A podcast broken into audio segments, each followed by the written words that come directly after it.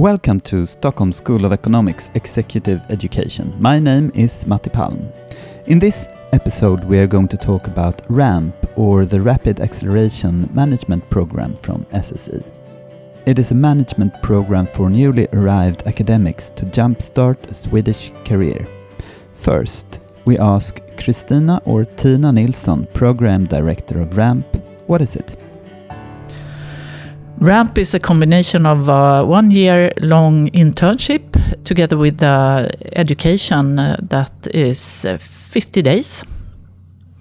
So it's a combined offer for uh, uh, refugees or people that entered uh, Sweden recently with an academic degree, working experience, and they are also fluent in English that we target to actually help to enter the Swedish work market uh, faster.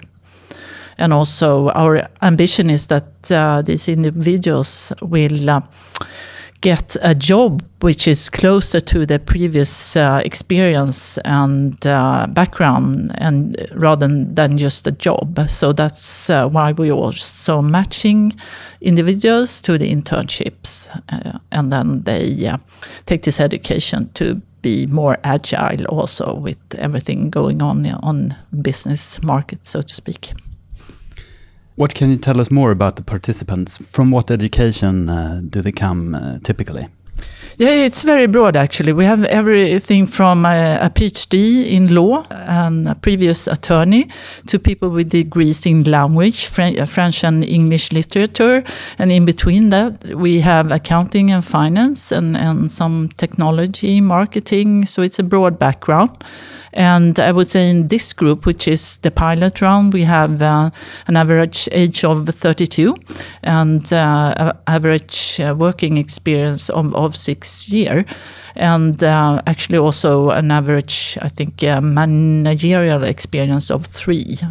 What results are you expecting from this initiative? Yes, our plan when we started this was actually that uh, we, we decided together with the Dean to launch this uh, initiative one year ago. So it's one year old. And we got some funding from Vinnova as well and some private uh, donors. And, and the uh, intention uh, is that uh, to get people faster into to work, but also to for the Swedish community and, and business community to make better use of all this competence that are actually on on uh, benched and more well with the previous uh, lead times at migration it's been one and a half or, or over two years. Uh, so we need this competence in in the Swedish business society and it lies very well with the the um, Stockholm School of Economics um, contribution which is to increase Swedish uh, competitiveness and Swedish business society's competitiveness. Now we're going to meet Rand and Tabi. With a banking and finance education from Syria, she decided to participate in the RAMP program. Uh, well, um, seeing all my friends they were all like working in restaurants and they were not so happy with it and i didn't want to do the same actually. I didn't want to get involved in some something i don't like or i don't even relate to. So suddenly i saw this opportunity in ramp and i decided to jump in because you don't see this opportunity every day actually. When you started what were you expecting to get out of it? Uh, basically i expected the knowledge and the experience. But furthermore, I expected uh, more networks because that is the key, as I see here in Sweden, that you need the network for your job, your working, your education. It's like so necessary here. And that is why. So, how is it going so far? It's going very well, actually we are meeting a lot of um, very educated professors and they are so engaged in this program. They are given like from all their hearts and this is something really incredible. We have been a great group i can say. Yeah. So what do you do exactly? More in detail. Uh, we have courses about the management the leadership the strategies the financial accounting etc etc and we we have also a lot of mingles every once in a while. We have also uh, the rest of the time in the internship company. So it's a part of uh, education and um, internship at the same time. At what company uh, are you doing your internship? Uh, it's in SEB Bank. What are you doing there? I'm still learning about the company, um, attending meetings, and uh, you know, get in in the culture of the organization. And I'm helping coworkers there if they need it, of course. And uh, um, rec- recently, I have participated in a group for sustainability, and they are responsible to uh, do uh, sustainability reports every year. So I'm going to be a part of this group soon. Do you have any aim or goal with your career in Sweden? Of course, I have aim in the goal, but uh, the main thing that I really want to everyone that that have a dream or any goal that they have to follow it, and even if it's hard, uh, they should they should follow the dream that they have. And I want to be a model for every refugee in this uh, country. And uh, I wanted to give also a good view about refugees that they can, you know, reach every place and they can accomplish something good out of uh, what they have. If you were to give advice to someone starting out a career in Sweden, just like you, mm what would that be? It would be that uh, you have to be brave and you have to take all the opportunities that you have, no matter what, and uh, just get in. Just don't set limits and borders before you just start. Everything is to be fine, I hope. Yeah. Now we're going to meet Mikael Storåkers, one of the initiators of RAMP a long-time entrepreneur and chairman of the board at the new global art startup, CF Hill. What were the reasons for starting the initiative RAMP and why did you get involved?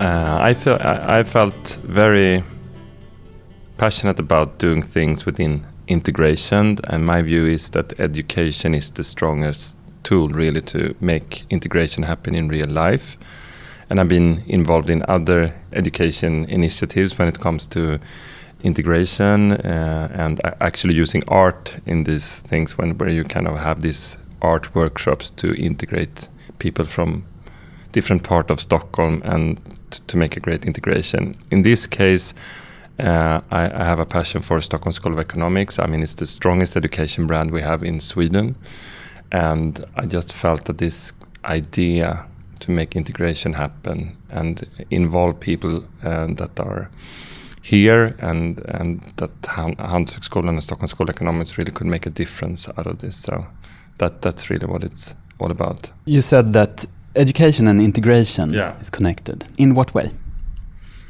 I think that when you are in a situation where you get educated or where you are participating in education, I think if I talk about these art workshops, I think it's if you're having these art workshops going on, you just participate and you talk to each other and you have the workshops and you kind of collaborate in a very natural way.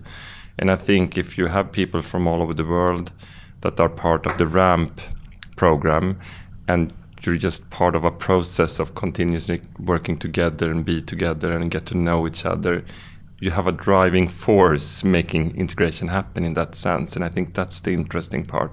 So education is if you're if you're doing something good you kind of include people naturally in your educational process and that's really interesting and brings something great to the table and also to sweden in that sense is this relevant from a wider swedish perspective Absolutely. I think on, on different educational levels, I think this is the way to go forward. I think it's this is something we could actually export to other markets. I think we can definitely make it happen in different parts of Sweden. On on this high level, on on I mean master program, I think we could really get the best out of people, and that could be an, a really an advantage for Sweden. But also you know on a kindergarten level on high school level you can this is really the way to integrate. And i think actually you could start businesses around it too. I mean this is not a business but sweden could become really strong in this and, and show the world how you should integrate. We are you know and that's very good. We are we have a lot of people from other world that are coming now to sweden because they're leaving war and other situations and we could be really strong in this case so I think that really could could be something big, both for different parts of Sweden, but also exporting this knowledge to other other markets all over the world. Actually, you mentioned diversity before. Could the companies learn from diversity in a special way? Have you thought about that? Yeah, I mean, theoretically, we know that it, it's harder to run companies where you have people with different background, but you get better and you get uh, different perspectives and you you kind of broaden your knowledge base in a good way. So theoretically, it's you need strong leaders, but if you have strong leaders, your position, I mean, basically your position will be much stronger if you use diversity as part of your competitive edge. So we haven't seen any long-term results yet from this, no. of course. But can we see some uh, how this kind of initiatives would work also for other contexts, maybe? I think people are really worried about the whole situation in the whole world, where you have not a strong integration. I mean, if you look all over the world, and I think you need the strong examples. You need examples like ramp where you kind of include people um, that just arrived to Sweden. You need to work with the companies that are having these as their part of their team. And I think it's as simple as that. If companies and people being employed at companies see that you get new kind of friends at work that really add something, that really will evolve in something great, you know. So both this kind of ramp could be done in all of Sweden, but also, like I said before, on different levels. I mean, you could start really early, and I mean, you can use art, you can use other things, sport, in order to kind of integrate people.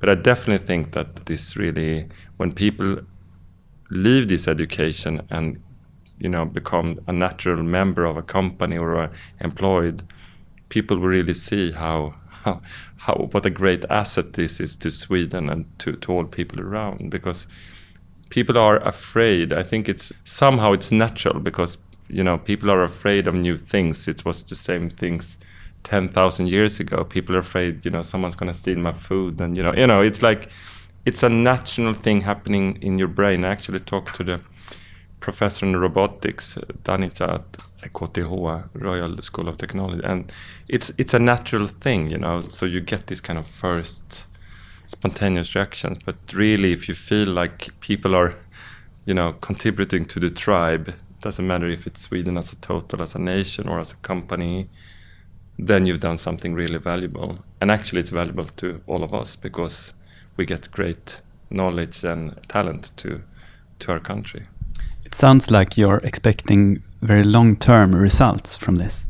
Yes, absolutely, because I think integration is all about long-term results, and I think that we could become the best in the world of making integration happen, and that would be something really strong and unique. And if you look all around the world, you're lacking that competence. And if we could find initiatives like RAMP that could make people meet in real life, and that they also kind of include uh, the business community and make it happen long term, then you will have kind of real value in this. So I strongly believe in that. Pia Anderberg is Senior Vice President Innovation and HR at Axel Johnson, one of the participating companies in RAMP. I asked her why they decided to take part. Oh, many reasons. Uh, first of all, I think the initiative is great. Uh, I think all of us in business life we have a great uh, responsibility to to do what we can and uh, to support all the refugees coming.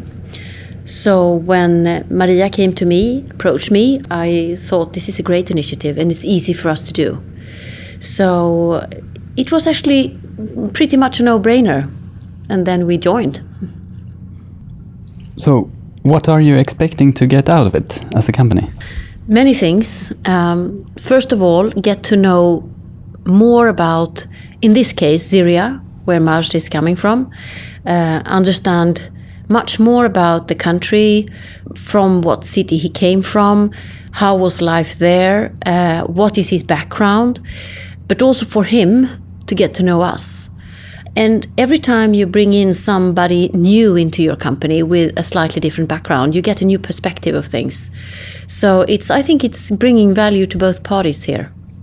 Can you describe in more detail uh, about the internship? Uh, what is he doing? He's doing many things. Uh, Axel Johnson is an owner's company, uh, a family company. So, and we are very few people working there, but we own a lot of companies. We own like 200 companies. So every day is different compared to, to the day before for, for Majd. Uh, he has been working with analysis. For instance, he's been supporting me in getting a lot of facts around Singles Day, which was an event taking place in, in uh, China, uh, the biggest e-commerce event where Alibaba was, of course, the biggest player. So he brought up a lot of facts around that, but also about Amazon and, and Black Friday. That's one kind of thing he does. He also supports us in, in we made a uh, board survey in all our boards. We make uh, once a year we make a survey, and he completed and uh, made an analysis of those surveys. Um, he has also been participating in uh, supporting our communication head of communication in also sort of um, bringing forward background material, uh, making analysis, bringing out facts, but also uh, being a project leader of small projects within communication or within uh, HR. Do you have any long term perspectives on these kinds of projects? Do, do you expect any, any long term results from it? Yes, we do. Uh, we do a lot of different projects. We have uh, within our sort of sphere or group, we have a lot of what we call everyday work, like cashier or people working at uh, warehouses and so on. And we have a lot of um, people both in the process of getting um, permit to stay here that work with us. So they they haven't got a permit yet.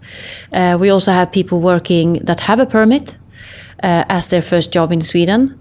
And, and to us, it's, it's not just about being fair or doing good things, it's a lot about doing business because if you meet a cashier that comes from your country as a client, uh, we think you, your client sort of um, the feeling you have as a client is much better.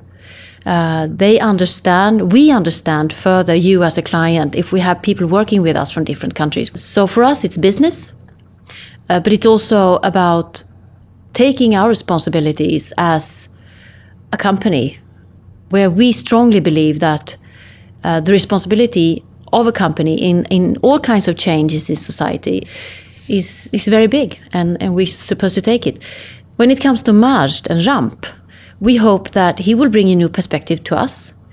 We hope that we will enable him to get a good start for a next job. And I think for him, being new to our country, by far the most important thing is to get a network.